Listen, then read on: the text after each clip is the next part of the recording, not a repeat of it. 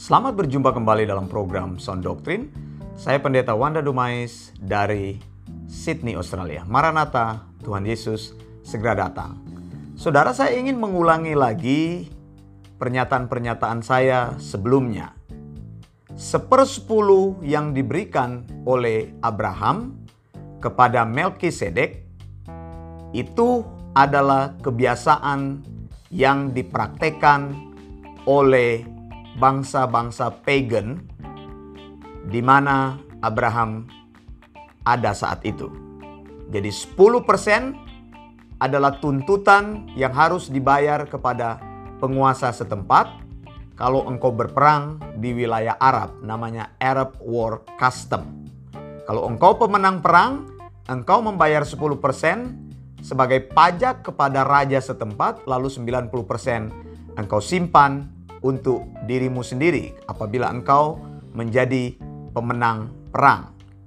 Nah, Abraham di Kejadian 14 ayat 20 memberikan 10% pajak kepada Melkisedek bukan dari hasil apa hartanya atau income-nya bukan 10% income-nya tetapi dari hasil rampasan perang, spoil of war. Dan peristiwa ini hanya dicatat satu kali di dalam Alkitab. Mengapa Abraham tidak memberikan sepersepuluh dari income-nya? Karena Abraham adalah imam atas dirinya sendiri. Tidak ada yang menjadi pengantara ketika Abraham hidup sebagai bapak orang beriman. Abraham membuat altar sendiri, Abraham beribadah sendiri, maksudnya bersama dengan kelompoknya. Jadi Abraham tidak tergantung kepada Melkisedek. Sepersepuluh yang Abraham bayar bukan kewajiban ibadah Abraham, tetapi adalah tuntutan hukum yang berlaku sebagai ancient custom, Arab war custom, kebiasaan yang berlaku pada waktu itu. Setiap pemenang perang harus membayar 10% kepada penguasa setempat. Itu adanya di Kejadian 14 ayat 21. Di Alkitab memang tidak dijelaskan lebih rinci. Hal ini harus dicari dalam referensi-referensi lain. Ya, jadi belajar Alkitab juga menelusuri yang namanya historical theology. Teologi harus dipelajari berdasarkan sejarah yang berlaku kebiasaan yang berlaku saat itu apa. Jadi peristiwa Abraham itu adalah sebuah narasi, bukan sebuah institusi. Jadi belajar Alkitab harus pisahkan mana yang menjadi narasi kejadian peristiwa saat itu. Engkau tidak bisa terapkan peristiwa saat itu untuk dibawa kepada prinsip gereja modern. Itu yang pertama. Kedua, persepuluhan Yakub. Ketika Yakub bernasar untuk memberikan 10% dari miliknya. Ya, apabila Allah memberkati dia, itu adalah sepersepuluh yang Yakub berikan sebenarnya kepada dirinya sendiri untuk kepentingan ibadahnya, untuk kepentingan pelaksanaan keimamatan dia sendiri. Yakub adalah imam atas dirinya sendiri. Yakub membuat altar sendiri tidak ada pengantara pada waktu itu. Jadi Yakub menyisikan 10% dari misalnya hewannya itu, terus income-nya untuk dimakan bersama-sama, dibuat ibadah bersama-sama di dalam rumahnya. Nah, kalau engkau ngeyel menegakkan prinsip persepuluhan Yakub untuk dibawa kepada prinsip modern, saya bisa pakai pikiranmu Oh, katakanlah engkau bilang persepuluhan Yakub itu sudah dilakukan secara reguler. Dan ini contoh Allah mau kita berikan persepuluhan. Baik kalau begitu. Kalau begitu, jemaat yang hidup di perjanjian baru, kan jemaat adalah imam atas dirinya sendiri. Karena sistem keimamatan sudah berganti. Imam kita itu berdasarkan Yesus Kristus, maka kita disebut imamat yang rajani. Ya kalau begitu kita memberi persepuluhan kepada diri kita sendiri. Tidak ada orang yang menjadi imam bagimu. Pendeta itu bukan imam. Pekerja gereja itu bukan imam. Mengapa? Karena tidak ada sistem keimamatan di dalam gereja perjanjian baru. Nah saya bisa bilang, eh kalau begitu persepuluhan diberikan aja kepada dirimu sendiri. Engkau bikin ibadah, engkau mem, mem, apa, men, menunjang orang miskin, engkau memberikan persepuluhan kepada hamba-hamba Tuhan yang susah, engkau membantu orang yang sakit, engkau memberikan sumbangan-sumbangan atau charity, engkau melakukan perjalanan ibadah, memberitakan Injil seperti saya, saya mendeliver Injil, kami butuhkan uang. Jadi pakai aja uang itu. 10% dari income-mu itu engkau sisihkan, taruh di tabungan tersendiri. Dan itu dipakai untuk pelayananmu sendiri. Untuk menghidupkan ibadahmu sendiri. Kalau engkau mau pakai begitu, jadi jangan ngeyel pendeta itu bukan imam, bukan suku Lewi. Nah saya mau bilang lagi. Sistem persepuluhan di dalam Mosaic Covenant. Saya sudah bilang ada tiga macam persepuluhan. Maaser Rison, persepuluhan pertama orang Israel membawa persepuluhan kepada orang Lewi. Sistemnya apa Maaser Rison? Hasil panen atau hasil ternak sebelum dipotong 10% harus diberikan dulu yang terbaik, dipotong dulu persembahan kepada imam. Siapa itu imam? Imam adalah orang-orang yang lahir dan langsung diturunkan dari keturunan Harun. Harun mendapat keistimewaan menjadi imam. Jadi kelompok-kelompok imam itu adalah orang yang garis keturunannya dari Harun. Siapa Harun? Harun adalah saudara laki-laki dari Musa, kakak dari Musa. Nah saudara, sekarang ada imam. Lalu sesudah dibayar persembahan terbaik kepada imam, hasil panen, hasil ternak. Baru dipotong 10% berikan kepada orang Lewi. Maserison namanya. Orang Lewi membayar 10% yang mereka terima dari orang Israel lainnya dibayar kepada imam. Nah sekarang engkau mau menyebut dirimu siapa? Kalau engkau katakan saya berhak dong saya kan pendeta, saya kan melayani Tuhan, saya berhak dong menerima persepuluhan, saya kan ada gereja. Lah sekarang engkau itu siapa? Engkau imam atau orang Lewi? Kebanyakan bilang kita itu imam, lalu orang Lewinya siapa? Begitu. Bingung kan engkau menerapkan, engkau itu keturunan Harun, menyebut dirimu imam. Begitu. Imam itu melakukan pekerjaan khusus di bait Allah di tabernakel. Begitu, yang dulu ada di dalam tabernakel itu ada tabut perjanjian yang hanya boleh imam besar yang masuk ke dalam situ. Tidak boleh orang biasa, orang Lewi itu pekerja-pekerja di bait Allah. Jadi penerapannya tidak bisa seperti itu. Begitu. Engkau mau ngeyel katakan saya berhak atas sepersepuluh persen karena saya adalah hamba Tuhan. Berarti saya orang Lewi. Orang Lewi terus imamnya bagaimana? Kamu membayar persepuluhan kepada imam, kamu bayar persepuluhan kepada siapa?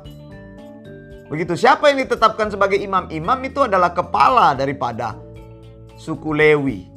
Mereka yang memimpin sebagai kepala. Jadi tidak bisa penerapan sistem keimamatan diterapkan kepada sistem gereja perjanjian baru. Nah, sistem keimamatan Israel itu adalah imamat dari Harun. Sementara kita menerima keimamatan dari Yesus. Imamat orang percaya, imamat yang rajani. Ya kalau engkau imam harusnya engkau terima persepuluhan, benar nggak? Lalu kenapa engkau bayar persepuluhan? Kan aneh. Begitu. Saya kalau saya menyebut diri saya sebagai imam, saya menerima, saya tidak memberi. Nah semua orang percaya Ya Tuhan tidak bilang pendeta, semua orang percaya itu adalah imamat yang rajani. Kalau engkau imam, engkau menerima persepuluhan. Pertanyaannya siapa yang bayar persepuluhan kepadamu? Nah, itu pertanyaan ini engkau renungkan sendiri. Saya berikan PR, pekerjaan rumah supaya engkau renungkan. Nah saudara yang kekasih, saya ingin bicara kembali lagi menegaskan bahwa persepuluhan Abraham, sepersepuluh yang dibayar kepada Melkisedek itu adalah custom setempat. Yaitu sepersepuluh dari rampasan perang, spoil of war. Abraham tidak membayar dari income-nya, dari propertinya, dari penghasilannya, tidak memotong 10% dari keuntungan tahunannya, bulanannya, ataupun apa pun itu. Abraham hanya menyetor berdasarkan hukum setempat yang dipahami bukan hukum tertulis tapi ancient custom 10% bayar kepada raja setempat. 90% harus simpan. Tapi Abraham tidak mengambil 90%. Kita sudah baca ayat itu. Abraham bilang kepada Raja Sodom, Aku tidak mau mengambilnya. Aku akan berikan semuanya supaya engkau tidak mengatakan kepada orang-orang bahwa aku telah membuat Abraham kaya. Nah, Abraham punya kesempatan untuk menjadi kaya berdasarkan usahanya sendiri dari hasil perang itu. Karena banyak harta yang dia dapat dari raja-raja yang dia kalahkan. Tapi Abraham menolaknya. Kenapa? Saya beritahu rahasia kejadian 12. Karena Abraham tahu Abraham itu orang yang diberkati oleh Allah. Allah sudah berfirman kepada Abraham, Aku akan memberkati engkau Abraham. Berkat yang Abraham akan terima seperti pasir di pantai dan bintang di langit. Engkau akan disebut sebagai bapa orang percaya, bapa orang beriman. Jadi Abraham menaruh imannya kepada Tuhan bahwa kekayaannya berdasarkan dari Allah. Bukan dari sepersepuluh. Jangan menyogok Allah dengan sepersepuluhmu. Karena kan banyak yang mengajarkan. Banyak memberi banyak berkat. Sedikit memberi sedikit berkat. Tidak memberi tidak ada berkat. Bahkan ada orang yang membangun tafsiran seperti ini. Ada orang tanya, Pak, kalau tidak memberi sepersepuluh ke gereja, apa akibatnya? Lalu dijawab, ya beda orang yang memberi sepersepuluh berkatnya beda dengan orang yang tidak memberi. Ada di mana itu prinsip itu? Kalau beda. Jadi maksudnya orang yang memberi 10% itu dari income-nya itu lebih diberkati dari orang yang tidak memberi. Saya tunjukkan kepada engkau faktanya. Sampai hari ini orang Israel tidak membayar persepuluhan sejak tahun 70 Masehi. Sejak bait Allah dihancurkan Jenderal Titus, orang Israel tidak pernah membawa persepuluhan lagi. Karena apa? Saya sudah bilang, karena persepuluhan harus dibawa ke bait Allah. Tidak ada sistem ibadah lagi, tidak ada orang Lewi lagi, tidak ada imamat lagi, tidak ada imam lagi. Orang Israel hanya memberi persembahan sukarela, maaser kesafim atau sedekah, sedaka. Kenapa orang Israel sekarang? Apakah mereka terkutuk? Coba lihat. Orang Israel diberkati Tuhan, bangsa yang sangat diberkati orang Israel. Mereka punya militer yang hebat, mereka punya ahli-ahli sains yang hebat, mereka punya politician yang hebat, negara mereka bahkan kecil saja tapi ditakuti oleh seluruh bangsa. Sekarang engkau mau bilang orang Israel terkutuk? Sekarang engkau mau bilang berkatnya lebih. Sekarang saya mau tanya, siapa yang memberi persepuluhan ke gereja? Lalu engkau mau bandingkan dirimu dengan orang Israel bahwa engkau lebih diberkati dari mereka. Kalau kita mau ukur dari sudut berkat, ya tidak bisa kan seperti itu. Sepersepuluh itu, kalau engkau memang memang mau percaya doktrin itu mau terapkan dalam hidupmu, bukan membedakan engkau dengan orang lain bahwa karena engkau memberi 10%, maka engkau berkatnya lebih. Tidak seperti itu. Nah, saudara yang dikasih Tuhan, saya mau bilang, prinsip ini penting, saudara, bahwa ada model-model tertentu yang definisi tertentu yang dipercayai orang sekarang, begitu, atau definisi persepuluhan yang dipahami oleh orang secara umum. Yang pertama, saya sudah tunjukkan. Yang pertama, persepuluhan itu dipercaya secara umum karena sudah berlaku di bangsa-bangsa penyembah berhala. 10% harus diberikan kepada raja sebagai pajak. Berikan kepada imam, berikan kepada dewa. Itu definisi secara umum. Lalu yang kedua, ada gereja-gereja yang tahu bahwa persepuluhan itu bukan firman Tuhan. Tapi mereka tetap ajarkan di dalam gereja, cuma mereka pakai kata. Kami tidak mau memaksa engkau membayar persepuluhan. Jadi persepuluhan ini adalah persembahan sukarela. Jadi dia tidak tegas posisinya dia mau bilang ini sukarela engkau bisa bayar tapi juga engkau tidak engkau tidak dipaksa untuk membayar. Namanya persembahan sukarela tapi tetap dituntut 10%. Nah, engkau periksa kata-kata saya ini. Definisi kedua itu persepuluhan dianggap sebagai persembahan kasih. Diajarkan di gereja seperti itu, tidak dipaksa. Lalu yang ketiga, persepuluhan itu memang diajar, dibayar dari income yang engkau terima, gross income. Jadi belum dipotong apa-apa. Aneh gereja-gereja ini biasanya memaksa. Engkau terima gaji 10 juta per bulan, pokoknya dari 10 juta itu dipotong 10%, 1% masuk ke gereja. Biasanya gereja-gereja ini mengajarkan persepuluhan gross income.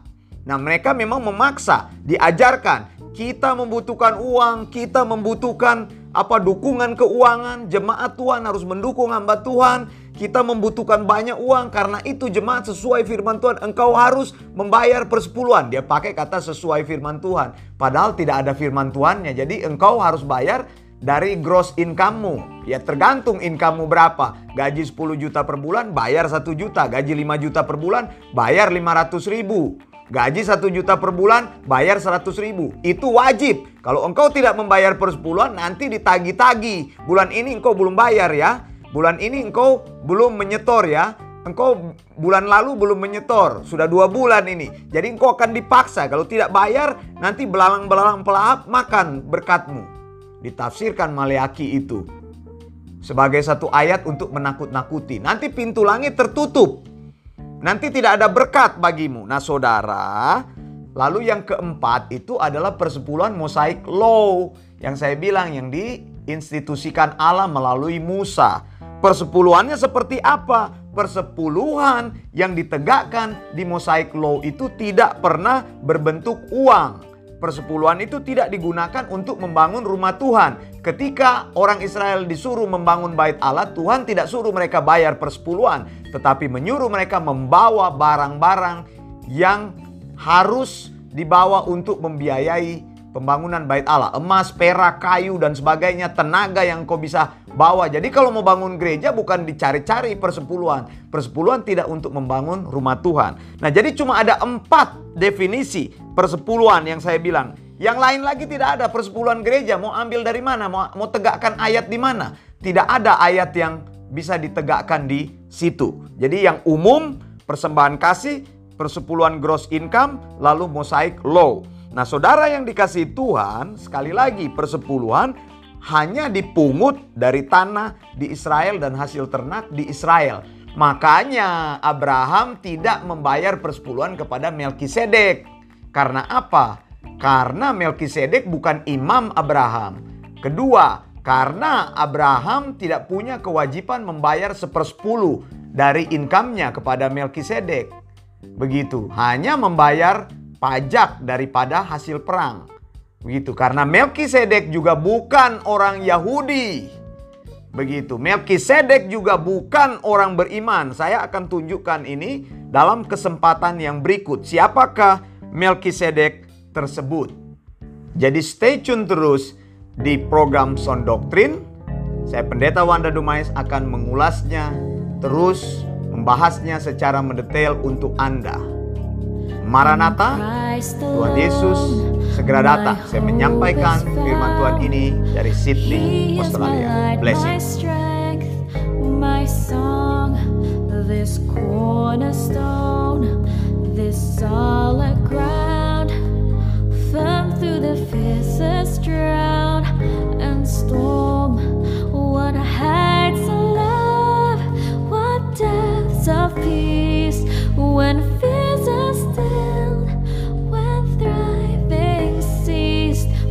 Come.